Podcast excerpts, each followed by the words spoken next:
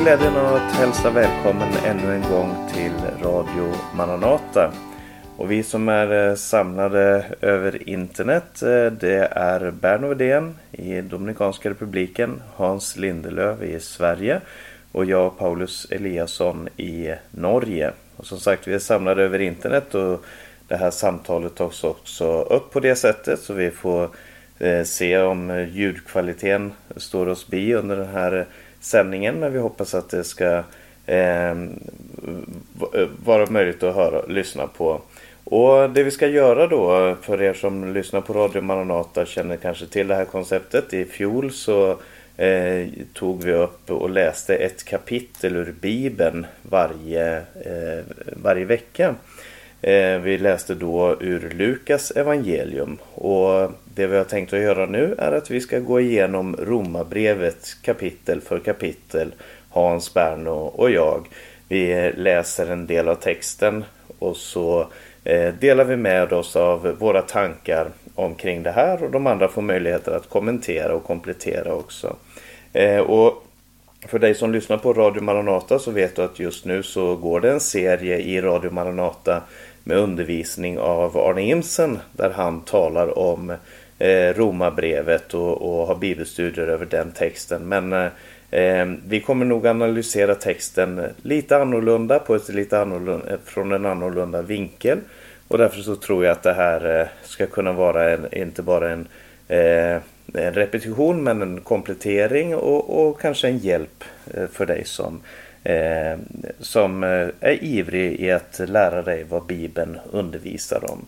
Och jag ska inte säga något mer utan vi ska gå in i den här texten. Jag ska läsa eh, den första texten och så kommer Berno läsa den andra delen och Hans den tredje delen i det här kapitlet. Och, eh, så jag börjar i Romarbrevet kapitel 1 och har med dig din bibel så följ gärna med i texten där det står från den första versen så här. Från Paulus, Kristi Jesu tjänare, kallad till apostel och avskild för Guds evangelium som han har utlovat genom sina profeter i de heliga skrifterna. Evangeliet handlar om hans son som till mänsklig natur är född av Davids ett och som genom helighets ande med kraft har bevisats vara Guds son efter uppståndelsen från de döda, Jesus Kristus, vår Herre. Genom honom har vi fått nåd och apostlaämbete för att föra människor av alla folk till trons lydnad för hans namns skull. Bland dessa är också ni som är kallade att tillhöra Jesus Kristus. Jag hälsar er alla Guds älskade som bor i Rom, hans kallade och heliga. Nåd vare med er och frid från Gud vår far och Herren Jesus Kristus. Och Innan jag går in på att säga någonting om den här texten som vi har läst här så vill jag bara säga någonting om Romarbrevet, ge en liten introduktion till vad den här, det här brevet handlar om. Det är ju 16 kapitel i eh, romabrevet. Romarbrevet. Den är stort sett eh, indelad i, i två delar eh, som handlar om de, de första eh, 11 kapitlen eh, som handlar om frälsningshistorien och de sista eh, då 12 till 16 som är mer eh, personliga som handlar om hur det kristna livet ser ut. Men vi kommer helt säkert komma närmare in på det och det finns olika sätt att dela in romabrevet på. Men det är det första brevet av Paulus om man läser Nya Testamentet så som vi har det indelat i vår kanon, i vår samling av brev så är det här det första av Paulus brev. Men de är i stort sett eh, sorterade efter storlek. Så det, det är inte så att det är det första han skrev. Eh, men det här brevet är skrivet antagligen runt år 56 eller 57. Men det är i alla fall skrivet ifrån Korint. Paulus hälsade ifrån Korint. Eh, och den är skickad till Rom då ifrån Korint eh, eh, över vattnet där. Eh, med då syskon som, som eh, hade med sig det här brevet och som kunde förklara vad det var aposteln menade med eh, texten här i Romarbrevet. Eh, och församlingen i Rom var antagligen en ganska liten eh, grupp som då eh, olika husförsamlingar eh, som hade upplevt ganska mycket och turbulenta saker under sin första tid som troende. Eh, Paulus, aposteln, hade in, var inte den som hade grundlagt församlingen där utan antagligen några andra. Och eh, han, eh, det hade också varit för, utbrutit förföljelse mot judar och med det också de kristna som var eh, som hade då judiskt påbrå. Eh, de blev utslängda ur Rom några år tidigare.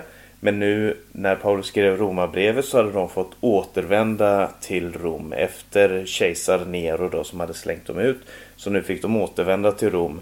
Eh, vilket skapade en del spänningar i församlingen som då hade gått från att vara en predominant judisk grupp till att bli en predominant hednisk grupp och sedan pre, en predominant eh, eh, ja alltså att de, de då fick de här spänningarna sig emellan och det kommer man lägga märke till i det här eh, brevet att, eh, att det finns de, den här konflikten som han försöker då eh, tala om och bemöta.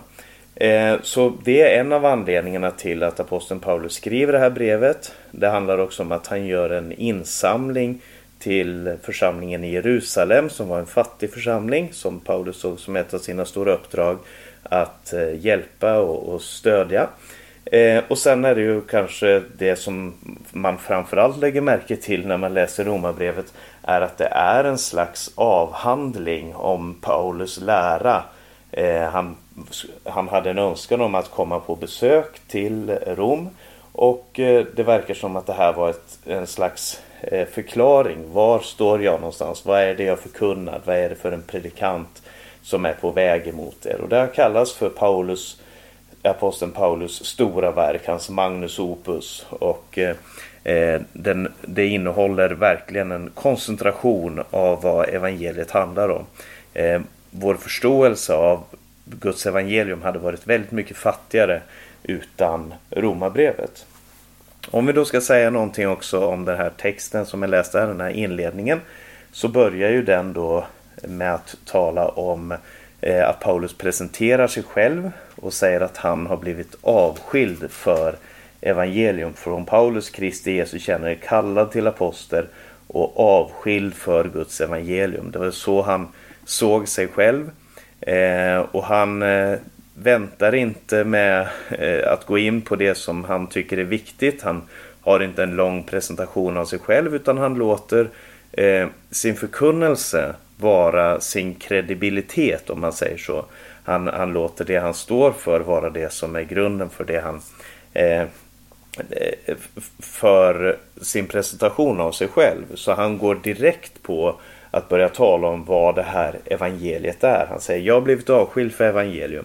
Vad betyder det? Jo, det evangelium som Gud har utlovat genom sina profeter i de heliga skrifterna. Så det första han säger om evangelium är att det har sin grund i det som vi kallar för Gamla Testamentet. Det som han bara kallade för skrifterna. Det som judar idag kallar för Tanach. Eh, det som är då eh, lagen, profeterna och skrifterna som vi har samlat, som vi har samlat i Gamla Testamentet. Eh, och han säger att det här evangelium, det förkunnade Gud. Han lovade det till sina profeter. Och vad handlar det här evangeliet om? Jo, vers 3 säger evangeliet handlar om hans son som till sin mänskliga natur är född av Davids ett. Eh, det är det första han säger i vers 3. Alltså det handlar om Guds son som har, också har en mänsklig natur. Vi skulle kunna tala länge om det som inom teologin kallas för den hypostatiska föreningen. Men det handlar om att, att Jesus eh, var bärare av två naturer. Han var sann Gud och sann människa. Helt och fullt Gud, helt och fullt människa.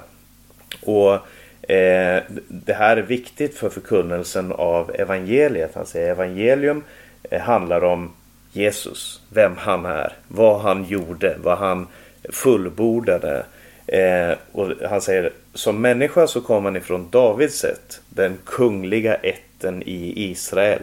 Så han var, han var den, ut, den som Gud hade lovat till David skulle få sitta på hans tron i all evighet. Det är det vi menar när vi talar om Messias eller Kristus. Det är uppfyllelsen av Guds löfte till kung David. Eh, och så sa han, och som genom helighets ande med kraft har bevisats vara Guds son efter uppståndelsen ifrån de döda. Så parallellt med att Jesus är, är eh, eh, Davids son så är han också Guds son.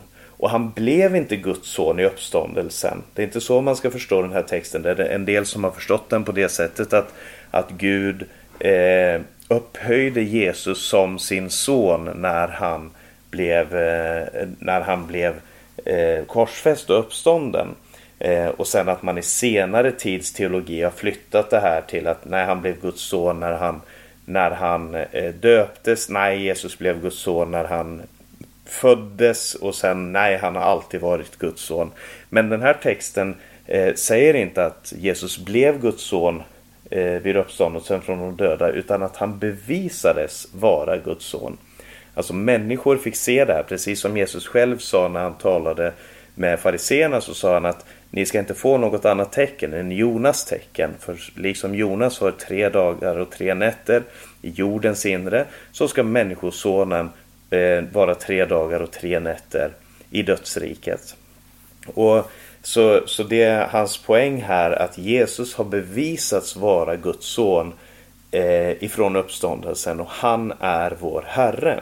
Och så säger han att han har fått det här uppdraget att föra människor till trons lydnad. Det är det det handlar om att vara kristen och inte minst för aposteln Paulus som hade det här stora uppdraget att både att fullborda Guds ord genom, att, genom de skrifter som han skrev eh, men också att, att dela med sig Eh, och föra människor till frälsning, nyckelpersoner, personer som, som kunde föra evangeliet vidare.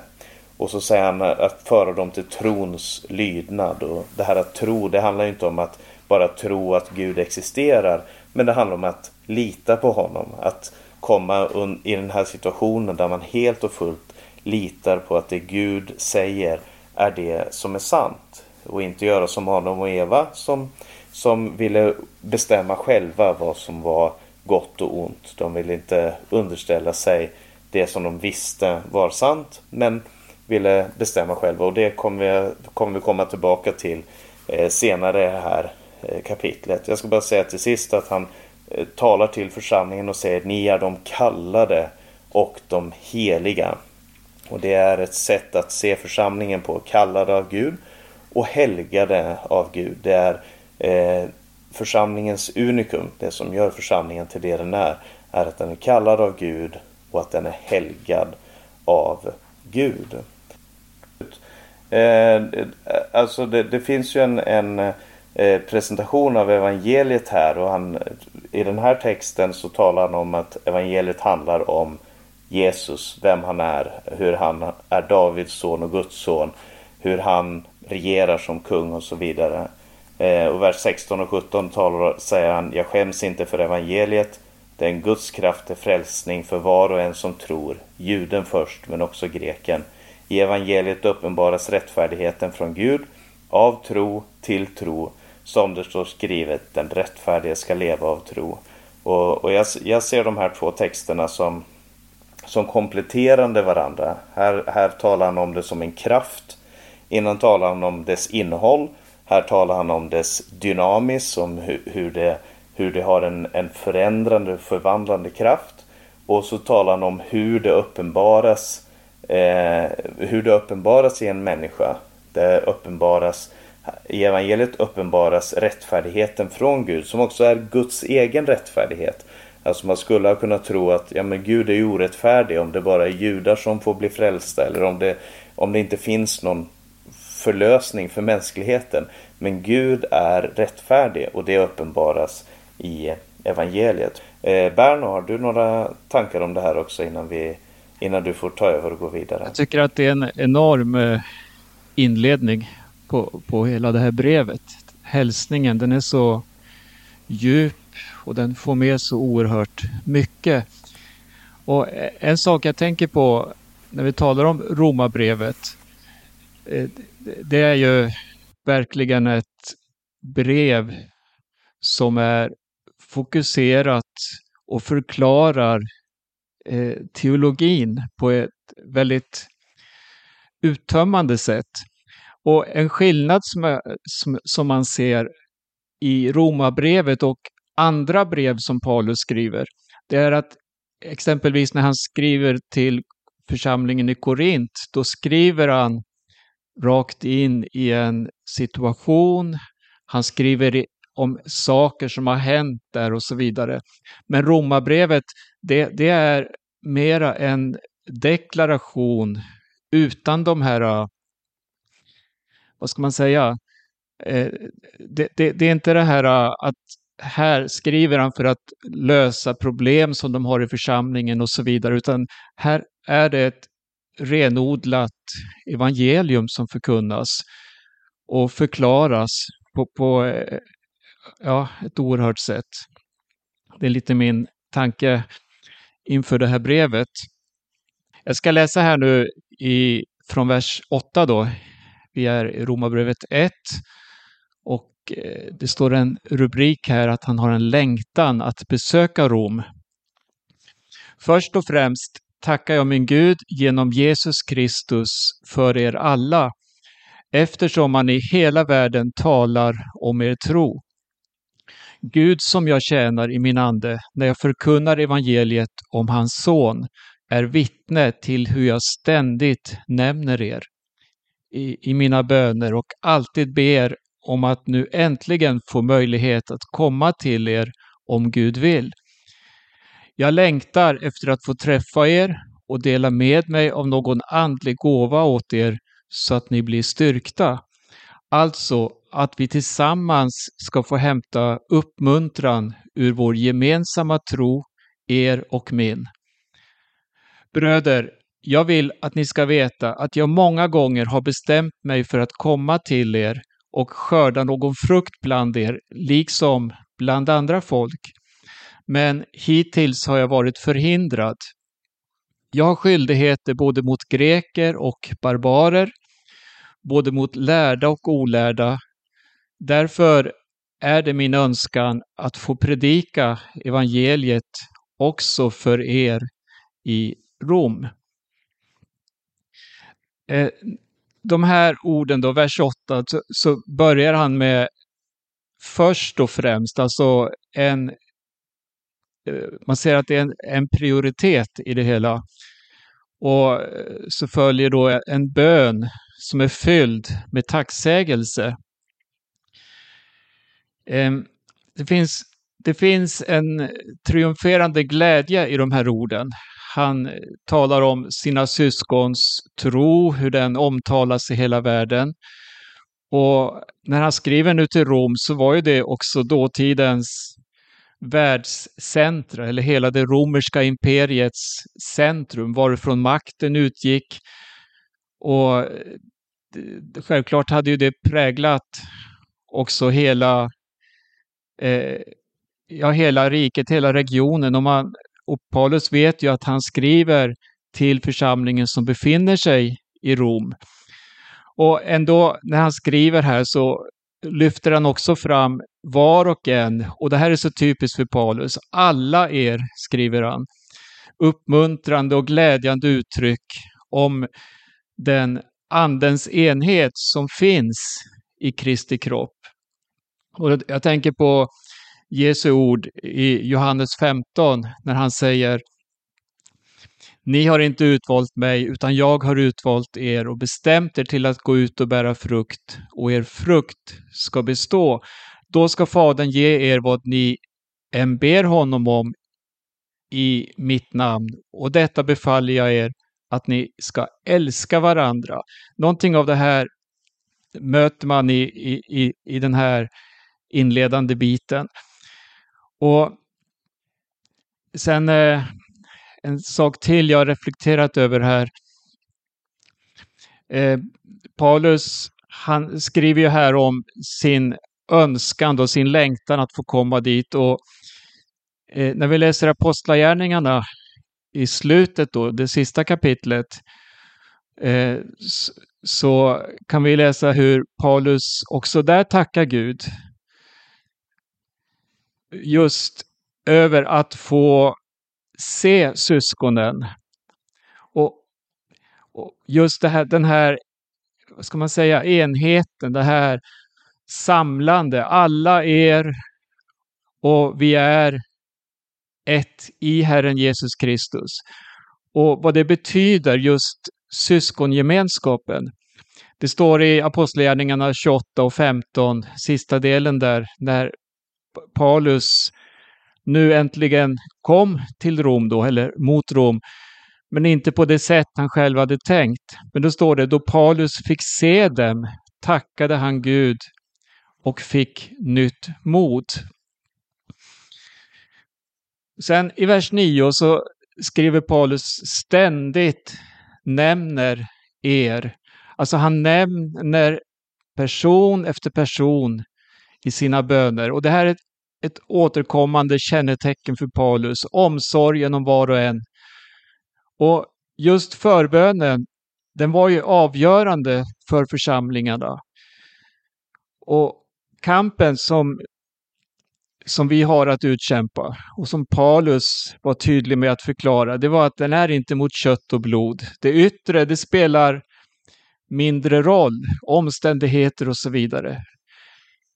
Och han skrev ju så här till Korint exempelvis, att det som ingenting var utvalde Gud. Och det inte ögat kan mäta och jämföra. Övertygelsen, det är att utan Jesus kan vi ingenting göra. Eller som Jesus själv sa, utan mig kan ni ingenting göra. Och här, det här har ju Paulus tagit fasta på. Han är så beroende av Guds gemenskapen och så medveten om vad förbönen för var och en betyder. Och, och, och, när, och så ser man hur han nämner vid namn de som han ber för. Det är ett engagemang och det är en överlåtelse, en omsorg och absolut inget generaliserande. I, I vers 10 så står det så här då, i mina böner och alltid ber om att nu äntligen få möjlighet att komma till er om Gud vill. Ja, jag tror att när Paulus skrev det här, han kunde inte föreställa sig på vilket sätt han slutligen skulle komma till Rom. Vers 11. Jag längtar efter att få träffa er och dela med mig av någon andlig gåva åt er så att ni blir styrkta. Här använder han ett eh, starkt ord när han skriver jag längtar.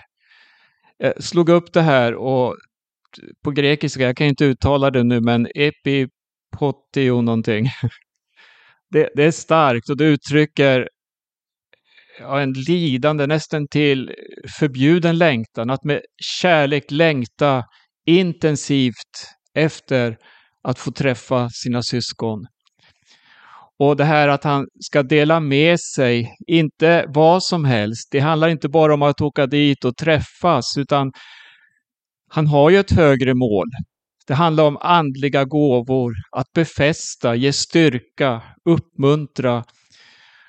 Och Det här är också typiskt hur det återkommer i Paulus undervisning om andliga nådegåvor, hur han uppmanar till att eh, verkligen prioritera och söka det som är värt att söka. Vers 12 så skriver han om den här gemensamma tron, vi tillsammans, och hur det här också är en tröst för honom själv. Vi har en gemensam tro och vi ska alltid söka Andens enhet.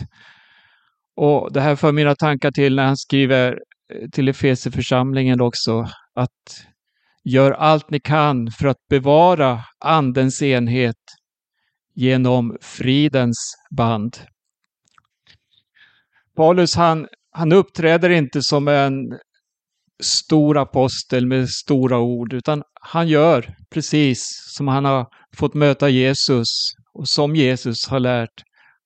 Han likställer sig med var och en i församlingen. Han blir allas tjänare och är med och bär bördorna. Och, eh, han har så gripande formuleringar, så, de är så utgivande. Sen i vers 13. Jag vill att ni ska veta. Sambandet är viktigt. Just inga distanser i församlingen med låg eller hög, utan vi är alla ett.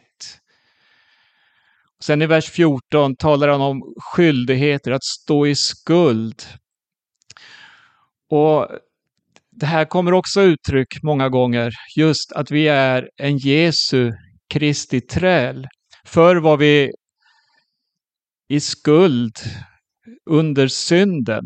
Alltså vi var trälar i synden. Men så blev vi fria i Jesus, men då fick vi också en annan skyldighet i våra liv. Som, och, och Det handlar om den här totala överlåtelsen att nu är jag en Jesu Kristi tjänare. Han nämner greker och barbarer. Och grekerna menade sig stå över andra, ha monopol på visheten och så vidare. Men eh, här nämner han barbarerna också. Alla andra kallades barbarer som var utan civilisation. Men Paulus han såg alla människor med samma ögon och han visste att han hade en skyldighet att ge dem evangelium och att i Kristus förenas vi till en kropp. Därför, sista versen då, vers 15. Här är tydligt, det är hans önskan. Därför, det fanns inga sidointressen.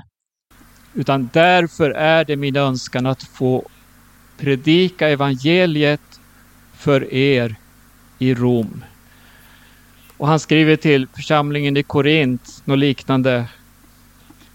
Och då, då, använder han det här uttrycket. Jag söker inte det som är ert utan er själva. Det är lite mina kommentarer kring de här verserna. Amen. Ja, tack ska du ha Berno. Eh, jag lägger märke till den här texten. Eh, just eh, det här som du har läst här så är det så tydligt att eh, aposteln har en väldig, han har en väldig passion. Han talar om min bön och så lite senare så nämner han min längtan. Eh, lite senare säger han jag vill, alltså min vilja. Och sen eh, det sista här, därför är det min önskan. Eh, han, han har en längtan efter de här syskonen, att, att få möta dem, att få förkunna evangeliet för dem, att få dela deras tro, dela gemenskapen med dem. Eh, och, och för att, efter att få glädja sig i Kristus tillsammans med dem. Och det är så stor kontrast mot det vi kommer att läsa här eh, som handlar om människor som är övergivna åt sin mänskliga lust, sin, sin, sitt kött och, så, och, och, och de här delarna. När han beskriver här så levande och så klart en, en väldigt förvandlad lust, en väldigt förvandlad längtan. Han, han har en längtan efter det som hör, som hör till syskonen. Han har en längtan efter det att de ska få eh, del av flera andliga nådegåvor. Han har en längtan efter att få bära någon frukt ibland dem. Jag tror att Eh, det handlar om den här gåvan som han vill samla in till församlingen i Jerusalem. Han använder det här som en bild. Han, han vill hjälpa församlingen där och allt det här handlar om, om den här längtan som man har efter att få eh, efter att få, få se dem eh, förvandlade, att få se dem växa i Kristus och, och så. Eh, och, det, och det, som sagt, det, det, står i så stark kontrast till det vi kommer in på här. Men det är verkligen en, en, eh, en blick in i hans hjärta precis som du talar om här. Eh, Hans, har du någonting du vill kommentera kring det Berno har läst här innan, innan du tar vid med den sista delen här? Ja, just vers eh, 11 och 12 där. Det är tydligt att han liksom han eh, är väldigt angelägen om att inte komma ovanifrån på något vis. Utan han retirerar, han uttrycker sig så här. Jag längtar efter att se er för att jag må kunna meddela er någon andlig nådegåva till att styrka. Och så är det precis som att han eh, liksom hejdar sig, eh, lite rädd för att vara för på, liksom strider, Så jag menar, för att jag i er krets må tillsammans med er få hämta hugnad ur vår gemensamma tro, er och min. Och det här påminner om ett annat ord, jag vet inte vad det är, första eller andra Korinthierbrevet. Eh, alltså att vi är inte herrar över er tro, skriver han där. Det, det är väldigt eh, tydligt att han är angelägen om det här, alltså just gemenskapen. Och det, de, de liksom är på samma plan. Han, han kommer inte på något vis ovanifrån mm. och trycker ner dem. Ja, precis. Ja, du får, du får uh, ta dig an den största delen av uh, kapitlet här Hans och, och uh, läsa och, och, ge dina tankar kring den sista delen av Romarbrevet 1. Varsågod. Ja, alltså, som jag förstår så har alltså du Paulus nu ägnat åt den delen där han presenterar sitt ärende och väldigt kortfattat presenterar evangelium. Och Berno kommer in på det här nästan missionsperspektivet då. För det handlar om att nå ut då med det här och hur han erfar kontakten med syskonen. Eh, från vers 18 så kommer det här med Guds vrede. Och jag menar att det är en, eh, en undervisning här om det allmänna syndafallet. Det allmänna syndafallet. Det finns ju olika ställen i Bibeln som talar om det, talar om det på olika sätt. Men eh, världens tillstånd är alltså det att människor har generellt vänt sig bort ifrån Gud, vänt, vänt sig bort ifrån den levande guden. Därför är det ju ett så stort glädjeämne att eh, han har funnit några som har tagit emot Guds budskap. Varje brev är ju ett, inleds med ett glädjeutrop över det här att några hedningar faktiskt har tagit emot eh, det glada budskapet. Men här kommer han in på eh, syndafallet. Det all, det, man säger, och jag läser helt enkelt från vers 18. Ty Guds vrede uppenbarar sig från himmelen över all ogudaktighet och orättfärdighet hos människor som i orättfärdighet undertrycka sanningen. Vad man kan känna om Gud är nämligen uppenbart bland dem. Gud har ju uppenbarat det för dem. Hans osynliga väsen, hans eviga makt och gudomshärlighet har ända ifrån världens skapelse varit synliga i det att det kan förstås genom hans verk, så är det då utan ursäkt. Det är utan ursäkt. Vilka är det? Det är vi. Vi innan vi fick höra det glada budskapet, innan vi kom till tro. Det är romarna, det är alla människor. Fastän det hade lärt känna Gud, prisade och tackade honom dock icke så som Gud, utan förföll till fåfängliga tankar och så blev deras oförståndiga hjärtan förmörkade. När de berömde sig av att vara visa blev de dårar och bytte bort den oförgänglige Gudens härlighet mot beläten som var avbilder av förgängliga människor, ja och av fåglar och fyrfota djur och krälande djur. Därför prisgav Gud dem i deras hjärtans begärelser åt orenhet så att de med varandra skändade sina kroppar. De hade ju bytt bort Guds sanning mot lögn och tagit sig för att dyrka och tjäna det skapade framför skaparen honom som är högt lovad i evighet. Amen. För den skull gav Gud dem till pris åt skamliga lustar. Deras kvinnor utbytte det naturliga umgänget mot ett onaturligt. Sammalunda övergav och männen det naturliga umgänget med kvinnan och upptändes i lusta till varandra och bedrev styggelse man med man så fick de på sig själva uppbära sin villas tillbörliga lön. Och eftersom de inte hade aktat till något värt att ta vara på sin kunskap om Gud gav Gud dem till pris åt ett ovärdigt sinnelag till att bedriva otillbörliga ting. så har det blivit uppfyllda av allt slags orättfärdighet, ondska, girighet, elakhet. Det är fulla av avund, mordlust, trätlystnad, svek, vrångsinthet.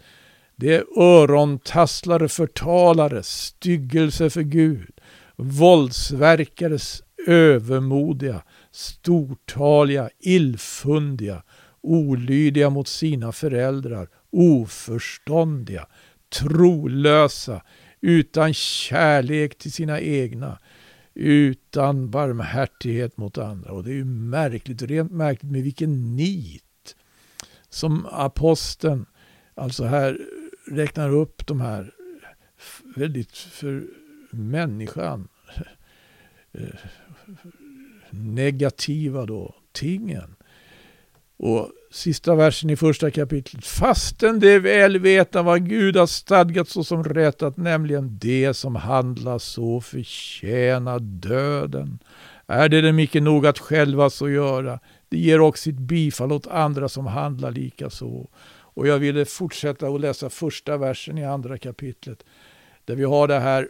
Därför är du utan ursäkt du människa, vem du än är, som dömer. För därmed att du dömer en annan fördömer du dig själv, eftersom du som dömer den andra själv handlar på samma sätt. Riktigt chockerar ju aposteln genom att hela tiden räkna upp dem, dem, dem, vad dumma de är. Så här, man kan sitta och tycka, oj vad dumma de är. Men så plötsligt så heter det vad dum du är. Det, det är faktiskt det som eh, det är en viss eh, snärt här i övergången. Och vi ska inte fortsätta nu i andra kapitlet. Men eh, jag, jag kan inte påstå att det är direkt tacksam uppgift att ägna sig åt det här, men det är faktiskt hör till. Det här är sanningen. Och skildringen av syndafallet som den kommer här, eh, den har, som, som jag sa, de, det, finns, det finns andra eh, sådana beskrivningar. Det finns ju beskrivningar av hur synden har både eh, fått makt med enskilda individer och med hela nationer, lokalt och eh, på olika sätt i Bibeln. Vi kan läsa om den gyllene kalven i Andra Moseboks eh, 32 kapitel. Va? Och vi kan läsa om Adam och Eva, då, då individerna, de ursprungliga mänskliga individerna som eh, förvillades och eh, var olydiga mot Gud. Och vi kan läsa i Ordspråksbokens inledning också om hur människor har ignorerat Guds varningsord. Kanske kunde ta det också. Det heter som så i Ordspråksbokens första kapitel i tjugonde versen. Visheten höjer sitt rop, på gatan, på torgen låter hon höra sin röst. I bullrande gathörn predikar hon, där portarna i staden öppnar sig, där talar hon sina ord. Hur länge ni fåkunniga ska ni älska fåkunnighet? Hur länge ska bespottarna ha sin lust i bespottelse och dårarna hata kunskap? Vänd om och akta på min tillrättavisning. Se, då ska jag låta min ande flöda för er. Jag ska låta er förnimma mina ord. Eftersom ni icke ville höra när jag ropade, eftersom ingen aktade på när jag räckte ut min hand, eftersom ni lät allt mitt råd fara och inte ville veta av min tillrättavisning. Därför skall och jag le vid er ofärd och bespotta när det kommer som ni fruktar, ja, när det ni fruktar kommer, så som ett oväder när ofärden nalkas er så som en storm, och över er kommer nöd och ångest. Då ska man ropa till mig, men jag ska icke svara. Man ska söka mig, men icke finna mig. Därför att de hatade kunskap och icke fann behag i Herrens fruktan, ej heller ville följa mitt råd, utan föraktade all min tillrättavisning. Därför ska de få äta sina gärningars frukt och bli mättade av sina egna anslag. För av sin avfällighet ska de fåkunniga dräpas och genom sin säkerhet ska dårarna förgås. Men den som hör mig, han ska bo i trygghet och vara säker mot olyckans skräck. Jag har en jämförelse, en jämförelse som eh, ju har kanske den betydelsen att här ser vi i Ordspråksboken att vad som blir följderna av ohörsamhet. Och det blir alltså eh, ofärd. När ofärden nalkas som en storm. Men i Romarbrevet så poängteras snarare att själva den livsstil som följer på, livsstilen, innan det har kommit några följder av livsstilen, så är själva livsstilen en bestraffning. Det är väl det som betonas här i Romarbrevet. Bara titta på några saker. Eh, jag tror till exempelvis att man kan se det här i Romarbrevet från 18 versen just som en, en framställning av det allmänna alltså, syndafallet. För det kommer saker här som eh, vi finner exempelvis i första Mosebok redan om hur eh, kvinnor överger, står det, det naturliga umgänget. Och det är väl faktiskt i den ordningen också som saker och ting skildras i första Mosebok. Det står i första Moseboks sjätte kapitel om hur Guds söner gick in till människornas döttrar. Och det står i första Moseboks 19 kapitel hur det uppträdde homosexuella gäng i Sodom. Men här är ju väldigt mycket mer, väldigt mycket mer som eh, den här alltså uppräkningen av eh, av ska vi säga, alltså karaktärsfel. Med, eh, va? Ondska, girighet, elakhet. Avund, mordlust, trätlystnad, svek, vrångsinthet, örontasslande, förtal. Det här är eh, alltså en karaktär. Det, det är inte bara karaktärsfel, det är en katastrof. Det är syndaren som beskrivs. Det är människan som har vänt sig bort ifrån Gud och som går stolt fram på sin egen väg och inte utvecklas utan bara urartar. Han nyanserar sig framöver får vi väl säga. Men han kommer att i kommande kapitel fortsätta att liksom ta på det här temat. Gud har ju uppenbarat sig. Här i första kapitlet talar han om hur Gud har uppenbarat sig för alla människor genom sitt verk. Hans verk är eh, så storslaget. Det ger oss ett vittnesbörd om Gud, om hans karaktär. Och det borde vi akta på. Eh, han kommer så småningom också på, in på samvetet, han kommer in på Mose lag, men det, det kommer som sagt senare. Ja, jag får väl hejda mig lite kanske. Eh, några kommentarer, eller vad säger vi? Ja, vad säger du Berno? Har du några tankar om den här texten också? Texten känns väldigt aktuell. Alltså också för våra dagar. För att när man, när man läser den här beskrivningen då av samhället, måste man säga, om eh, relationer som eh, har spårat ur. Det, det, det, är som att det är som en kulturanalys av vårt samhälle. Det är precis det här förfallet man möter och det här föraktet mot Guds skapelseordning. Det Gud har sagt, det Gud har skapat, till man och kvinna skapade han dem. Det handlar om eh, att, att ta vara på äktenskapet, eh, moralen och så vidare. Och, och, och det här återkommer ju Paulus också till på olika sätt då i sina brev. Just hur värdefullt det är att ta vara på Guds ord, ta vara på Guds skapelse, ta vara på det som är gott, det, det som bär frukt för evigheten och hur vi kan bära god frukt i våra liv. Eh, ja, Paulus han, han fångar i de här verserna på ett oerhört sätt just hur fel det går och hur ett samhälle är på väg att raseras inifrån helt enkelt.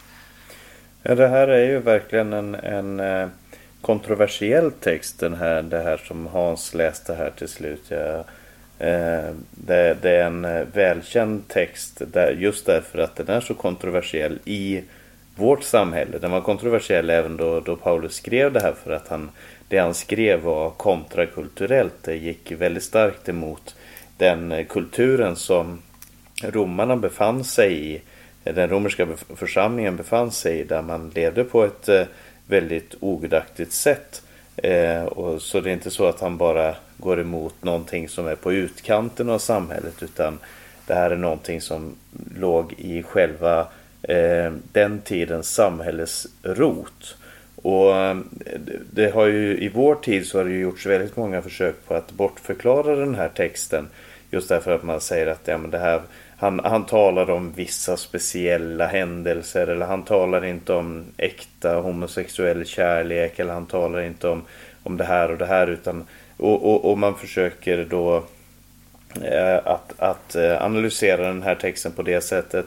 Och, men saken är den att den här texten kan inte bortförklaras som en enskild händelse. Den hör hemma i en biblisk berättelse om vad, vad som har hänt med mänskligheten.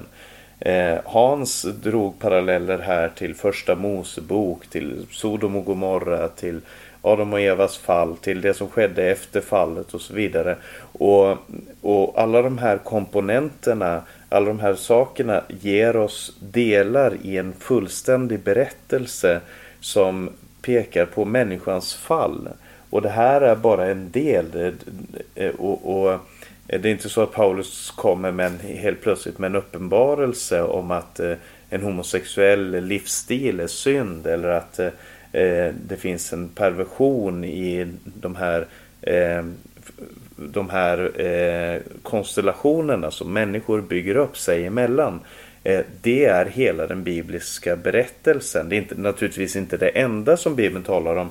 Men det är så den beskriver den mänskliga situationen. Att vi är styrda av eh, vår egen lust istället för att vara styrda av Guds sanning. Guds sanning den trycker vi ner som han säger här i texten. Vi håller ner Guds sanning. Eh, och, be och behandlar den som, som lögn medan vi tar lögnen och behandlar den som sanning. Trots att Gud har uppenbarat det man kan veta om honom. Det är, det är uppenbarat ibland oss. Och, och, hans stora argument är ju här att det finns ett avguderi som leder till perversion. Som Hans talar om här att, att eh, deras synd är egentligen konsekvensen av deras synd. Eller deras livsstil är konsekvensen av deras synd. Och det är samma eh, mönster som vi ser i Gamla Testamentet där man tillbad olika gudar och blev lika de här gudarna. Och i vår tid så tillber vi, vi tillber egoismen, vi tillber pengar, vi tillber makt, vi tillber sex, vi tillber rebelliskheten mot Gud och vi förvandlas också till den bilden. Men det är inte det människan är tänkt att vara. Vi är tänkt att vara eh, Guds avbilder, att bära hans sons bild här på jorden. Att få vår längtan och önskan verkligen förvandlad genom evangeliet som är en Guds kraft som kan bryta ner det här motståndet som kan bryta ner den här rebelliskheten emot Gud. Och det är ju summan av både av evangeliet och av det som vi har läst här idag. Och, och vi ska alldeles strax eh, avsluta men jag ska bara eh, säga det att vi kommer fortsätta eh, om det blir varje vecka eller inte, det får vi se vad vi har tid och möjlighet till. Det ska eh, klaffa med, med allas våra arbeten och så. Men vi ska försöka att prioritera att gå igenom romabrevet här kapitel för kapitel, gång för gång. Nästa vecka då så blir det Romarbrevet 2 där det talas mer om, Hans Hans kommer lite in på det här, om människor som, som sätter sig över andra människor. Men han säger det, därför är du utan ursäkt, du människa, vem du än är, som dömer, som dömer andra. Och han talar om, ska tala om samvetet, om Guds rättfärdighet och förhållandet mellan Guds dom och samvetet och Guds lag i Toran. Och det ska vi komma till nästa gång men vi får rikta ett stort tack till dig som har följt med oss den här eh, timmen. Vi som har samtalat här eh, är Berno Vidén, Hans Lindelöv och jag heter Paulus Eliasson. Vi är eh, bibellärare alla tre och vi hoppas att du har fått välsignelse och hjälp av det som du har fått lyssna på den här stunden. Nästa gång så fortsätter vi. Om du har möjlighet, om du tycker att det här är intressant så blir det här det läggs ut som en podcast och du har också möjlighet att sprida det här till andra. Berätta om Radio Maranata, våra sändningar i närradion, berätta om podcasten och så att flera kan få ta del av den här undervisningen också. Men eh, till nästa gång så säger vi Guds rika välsignelse och på återhörande.